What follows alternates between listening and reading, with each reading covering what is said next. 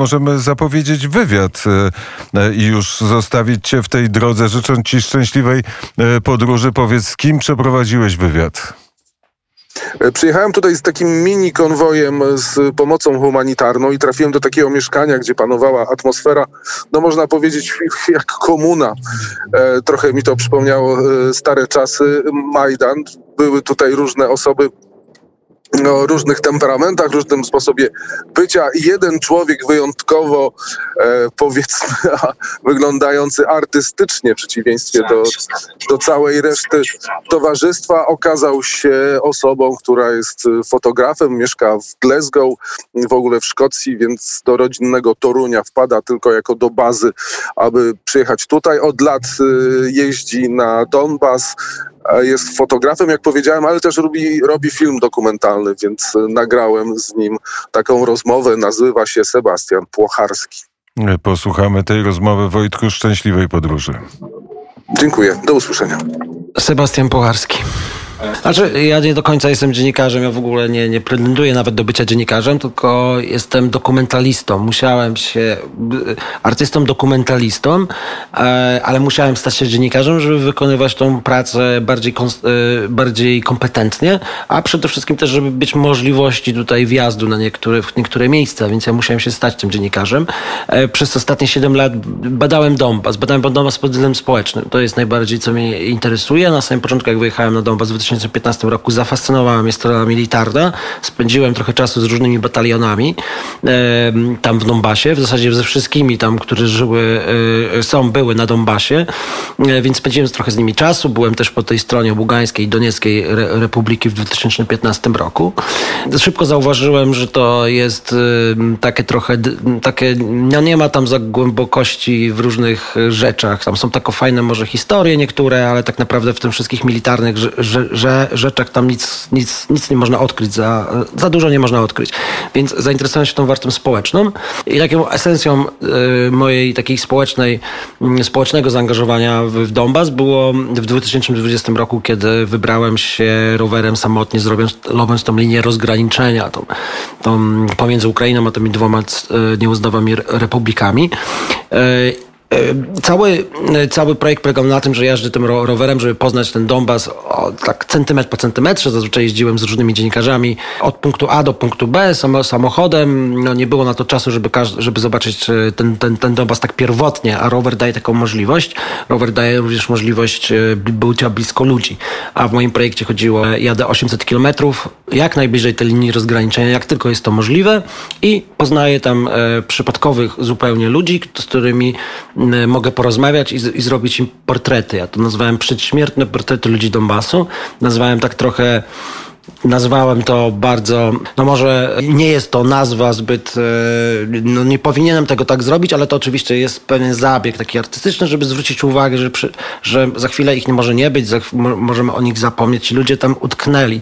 I moją, moim celem było pokazanie tych ludzi, którzy tam utknęli, którzy nie mają możliwości stamtąd wyjazdu. Nawet nie chcą oczywiście, ale też nie mają takiej możliwości, więc e, w moim projekcie chodziło o to, żeby pokazać tych ludzi później na różnych wystawach, e, taki kontrast też ludzi, którzy żyją na wsi, pokazać w galeriach, to, to, to ten, ten kontrasty mnie bardzo interesują. Takie e, były moje główne działania. Jak również od 7 lat e, robię cały czas kino dokumentalne o Donbasie, gdzie mam swoich różnych bohaterów i obecnie jak znajduję się w Kijowie, no to również pierwszego dnia wojny przyjechałem tutaj, żeby kontynuować ich kolejne no, różne drogi, niestety niektóre tragiczne, więc, więc już film miał się pojawić w tym roku, no ale niestety będzie musiał być zdecydowanie uaktualniony. Byłeś blisko tego, co się działo e, na wschodzie Ukrainy przez te lata po agresji rosyjskiej, tej pierwszej. E, powiedz, co w związku z tym pomyślałeś 24 lutego, gdy okazało się, że to dopiero początek, to co obserwowałeś wcześniej? Czy my się trochę spodziewaliśmy już od listopada, to prawda. Mm, dlatego ja też mieszkałem w Toruniu, żeby być blisko i szybko zareagować. Aczkolwiek, no, będąc jeszcze dwa tygodnie w Kijowie przed wojną, dosłownie na, na, na pięć dni tu przyjechałem i wszyscy martwiliśmy się. Ja, ja wtedy mnie to przeraziło, bo ja mam takie tutaj towarzystwo, które raczej tą wojną na Donbasie się nie przejmuje za bardzo. Oni żyją swoim życiem i nagle zaczęli się naprawdę przejmować. Byli przerażeni, tym bardziej jak Zełęński zaczął mówić, że uspokajać ich, że wszystko jest okej, nie, trzeba się bać, to oni zaczęli się wtedy bać e, i bardzo dużo moich przyjaciół zaczęło mi mówić o tych swoich, e, o, tych, o tym swoim strachu ale jak 24 no, pomyślałem jedno, bo dostałem zalany ranem po prostu ilością wiadomości, że to jest niemożliwe. My absolutnie się tego nie spodziewaliśmy, jest to absolutnie dla nas, dla nas szokiem. Mimo tego, że braliśmy to pod uwagę, to cały czas myśleliśmy, że, bo to jest,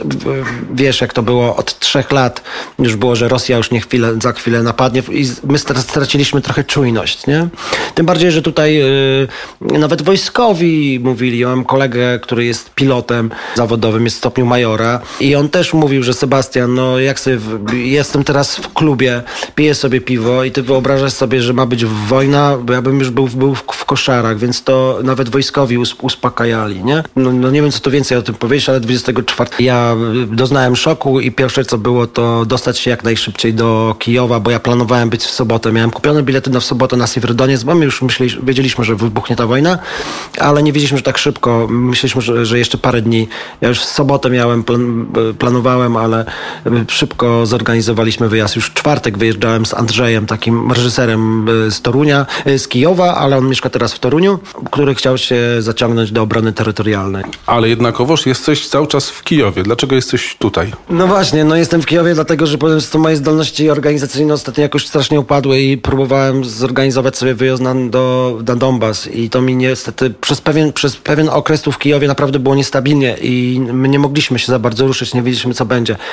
Obecnie zrobiło się bardziej spokojnie, bardziej ta sytuacja się ustabilizowała, e, aczkolwiek są cały czas problemy jednak z, z dojazdem tam. No ja niestety realizuję trochę takie biedo dokumenty, biedo reportaże, e, więc to jest wszystko, ja to robię albo autobusami, albo jak na Donbasie stopem jeździłem, albo rowerem, więc no ja tu trochę utknąłem, no ale mam nadzieję, że w najbliższym czasie będzie, będę mógł jechać na, na Donbas. No tak jak teraz jest czas policyjny, tak dzisiaj się zaczyna od 20 do, do środy do godziny, do godziny 7 rano i, i znowu to wszystko utknie, tak? Nie można, nie można się nigdzie po, poruszać. Jest, no ale w moim najbliższych planach, znaczy najbliższych, pracuję nad tym, żeby jak najszybciej pojechać do, do Dniepra i z Dniepra do Siewierodoniecka. A czemu tak bardzo ci zależy na tym Sywierodoniecku? No tak, no bardzo mi zależy na tym Sywierodoniecku, bo tam tak naprawdę jest cała... Ja najwięcej czasu w Sywierodoniecku spędzałem, będąc na Donbasie. W sensie tam jest, y, mam taką stałą... Yy, mieszkam u, u, u, kolegi, gdzie mam, gdzie mogę... Mm, gdzie, gdzie mam zakwaterowanie i stamtąd mogę wybierać się w te różne miejscowości, trochę, trochę Zbińka, Popasne, czy Audiewka, czy Pieski. To wszystko jest tam blisko. Po prostu można, to jest 100 kilometrów do Piesek. No to nie jest... To, to, Sywierodoniec dla mnie wrota są do Donbasu i tam są moi bohaterowie moich rzeczy, które robiłem przez ostatnie 7 lat. Nie, w Kijowie też, też mam, też mam takich, już, już ich spotkałem, już y, z nimi rozmawiałem i zaktualizowaliśmy, zaktualizowałem moje rzeczy, ale no tam jest większość moich jednak 80% moich bohaterów, no jednak no nie wyobrażam sobie, mm, żeby te moje działania dokumentalne, które robiłem od 7 lat, bez tak wielkiej rzeczy, która obecnie się dzieje, żebym ja nie, w tych historiach i które tym bardziej wiem, że się potoczyły naprawdę tragicznie, nie mógł tego zawrzeć. Nie? Może się tak zdarzyć, że znajdziesz się nagle na linii frontu. To, to jest dość albo de decyzja bardzo odważna, albo nieprzemyślana. No, no, znaczy ja bym tak, no może dla kogoś może się wydawać nieprzemyślana, dla kogoś może się wydawać odważna. Ja myślę, że ani jedno i drugie. Jest to, jest to ja po prostu e, kalkuluję swoje ryzyko. Okej, okay, poświęcam się dla swojej pracy, dla swojej pasji. I ja zawsze wierzę w to i zawsze wierzę, na Donbasie, też w ten sposób była, też byłem w, róż, w różnych tragicznych sytuacjach niebezpiecznych na Donbasie.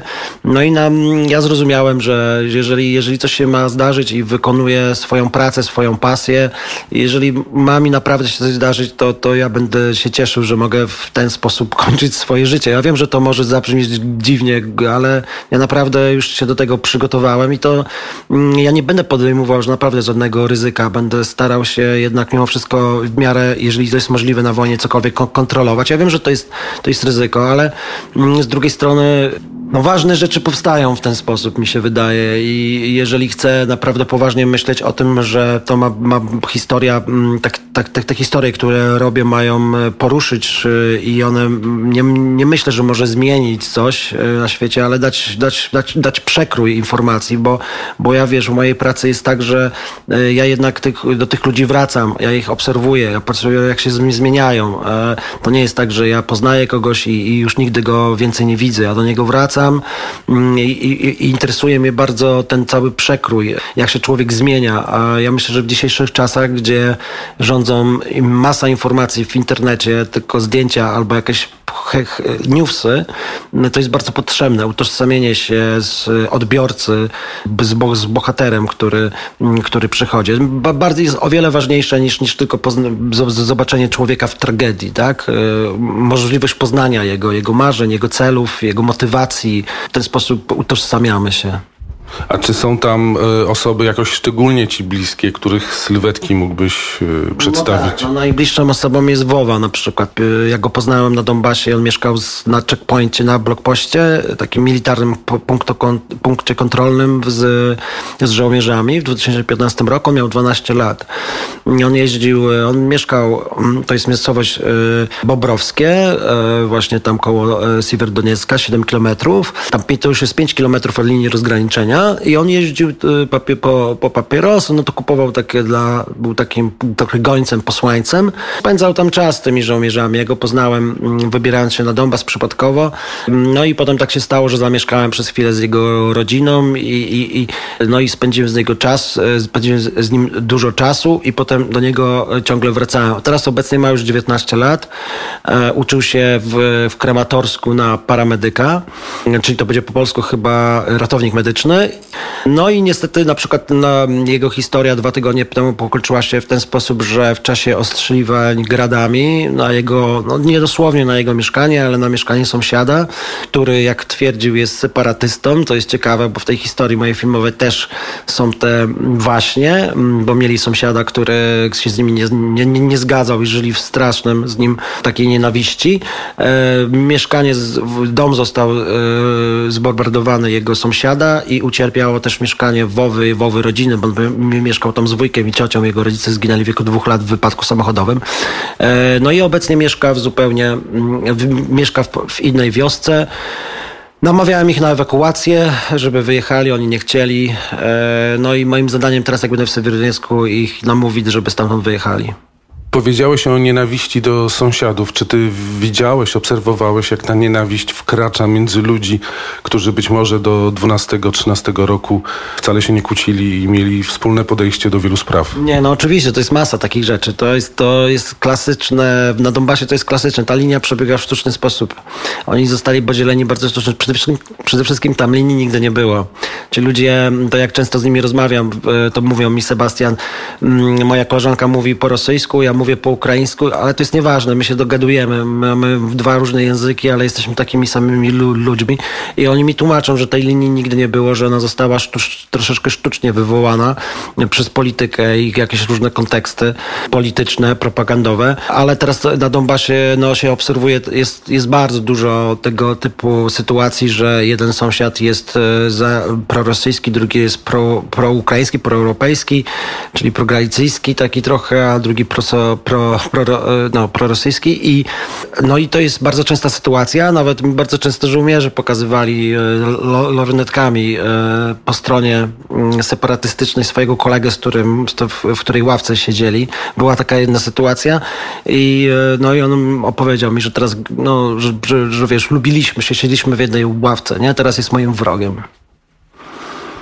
Więc to są, e, to są takie sytuacje, się zdarzają bardzo. Teraz jak byłem tym rowerem, jeździłem też mnóstwo nowych takich sytuacji znalazłem, że sąsiedzi z siebie ziemniakami nawet rzucają, bo to mi lokalni opowiadali o tym, bo ja poszukiwałem też takich, takich historii. Mm, To, było, to była miejscowość Zajcewo.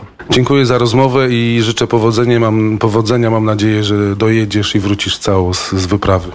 Dziękuję bardzo. Ja, ja naprawdę nie, podejmu, nie będę podejmował ryzyka, ale no mam nadzieję, że, że, że jestem zrozumiany, że po prostu chcę kontynuować swoją pracę i akurat ona jest w takich warunkach, a nie innych.